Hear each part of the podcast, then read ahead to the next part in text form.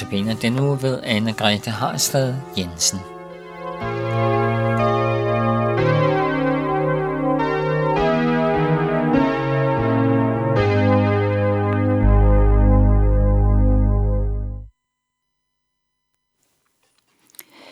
Vi skal i dag lytte til en beretning om ubetinget kærlighed.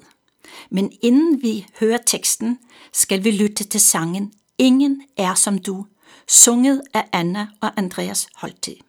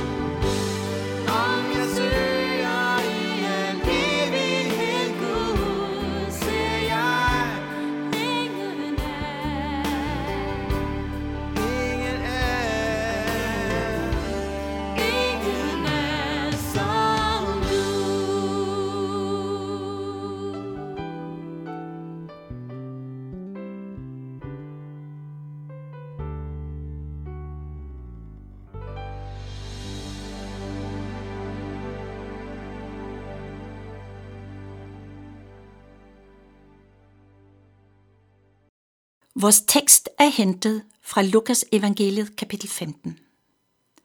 En mand havde to sønner. Den yngste sagde til faren, Far, giv mig den del af formuen, som tilkommer mig. Så delte han sin ejendom imellem dem. Nogle dage senere samlede den yngste alt sit sammen og rejste til et land langt borte. Der øslede han sin formue bort i et udsvævende liv. Og da han havde sat det hele til, kom der en streng hungersnød i landet, og han begyndte at lide nød. Han gik så hen og holdt sig til en af landets borgere, som sendte ham ud på sine marker for at passe svin, og han ønskede kun at æde sig mæt i de bønder, som svinene åd, men ingen gav ham noget. Der gik han i sig selv og tænkte, hvor mange daglejer hos min far har ikke mad i overflod, og her er jeg ved at sulte ihjel. Jeg vil bryde op og gå til min far og sige til ham, Far, jeg har syndet mod himlen og mod dig. Jeg fortjener ikke længere at kaldes din søn. Lad mig gå som en af dine daglejere. Så brød han op og kom til sin far. Mens han endnu var langt borte, så hans far ham, og han fik medynk med ham og løb hen og faldt ham om halsen og kyssede ham. Sønnen sagde til ham, Far, jeg har syndet imod himlen og mod dig. Jeg fortjener ikke længere at kaldes din søn. Men faren satte sine tjener, skynd jer at komme med den fineste festret, og giv ham dem på, sæt ring på hans hånd, og giv ham sko på fødderne, og kom med fedekalven, slag den, og lad os spise og feste. For min søn her var død, men er blevet levende igen. Han var tabt, men er blevet fundet. Jeg vil gerne begynde med at stille to spørgsmål. Ved du, hvad noget er?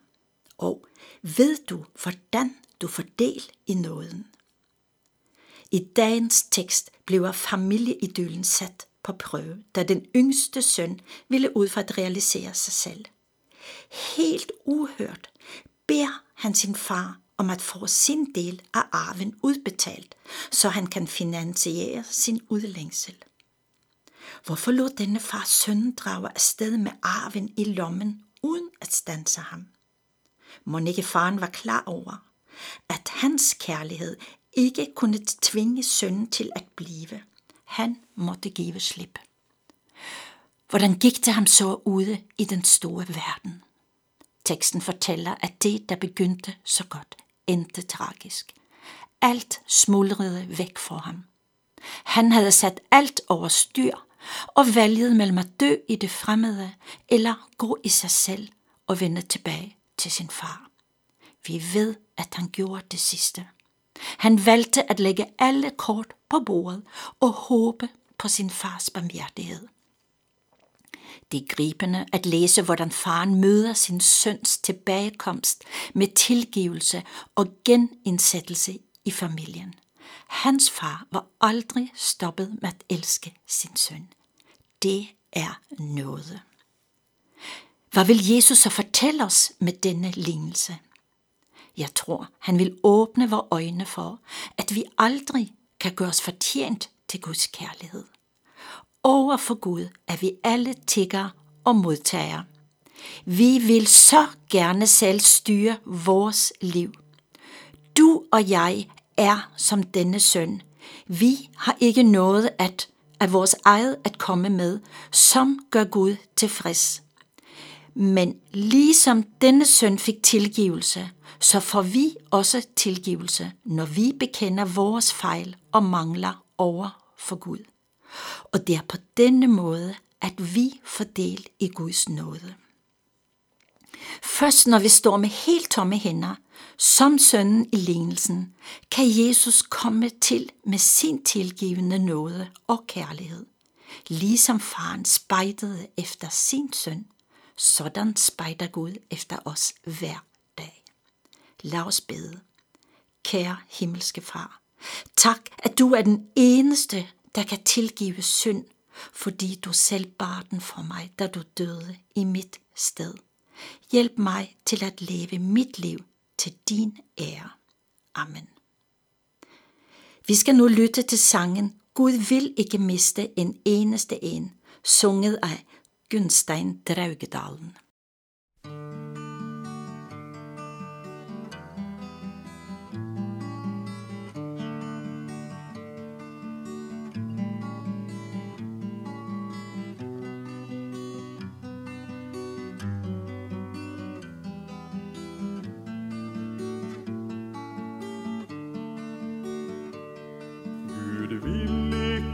Miste en eneste en, han alle vil adle og eie. For ham er hver sjel som en perlesten, hvis verd bare himlen kan veie. Fra evige tider Gud tenkte på deg, det beste av alt har i tanker.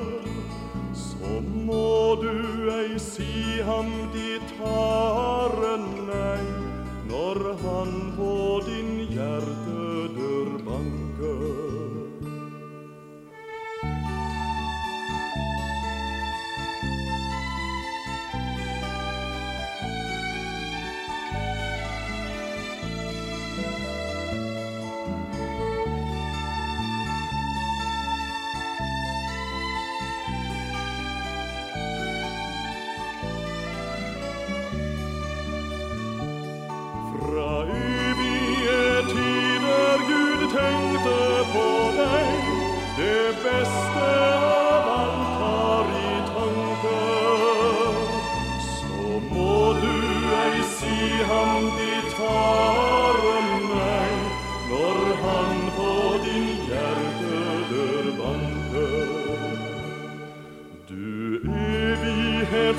evighetsvandrer i fremmed land, i tide du må deg besinne.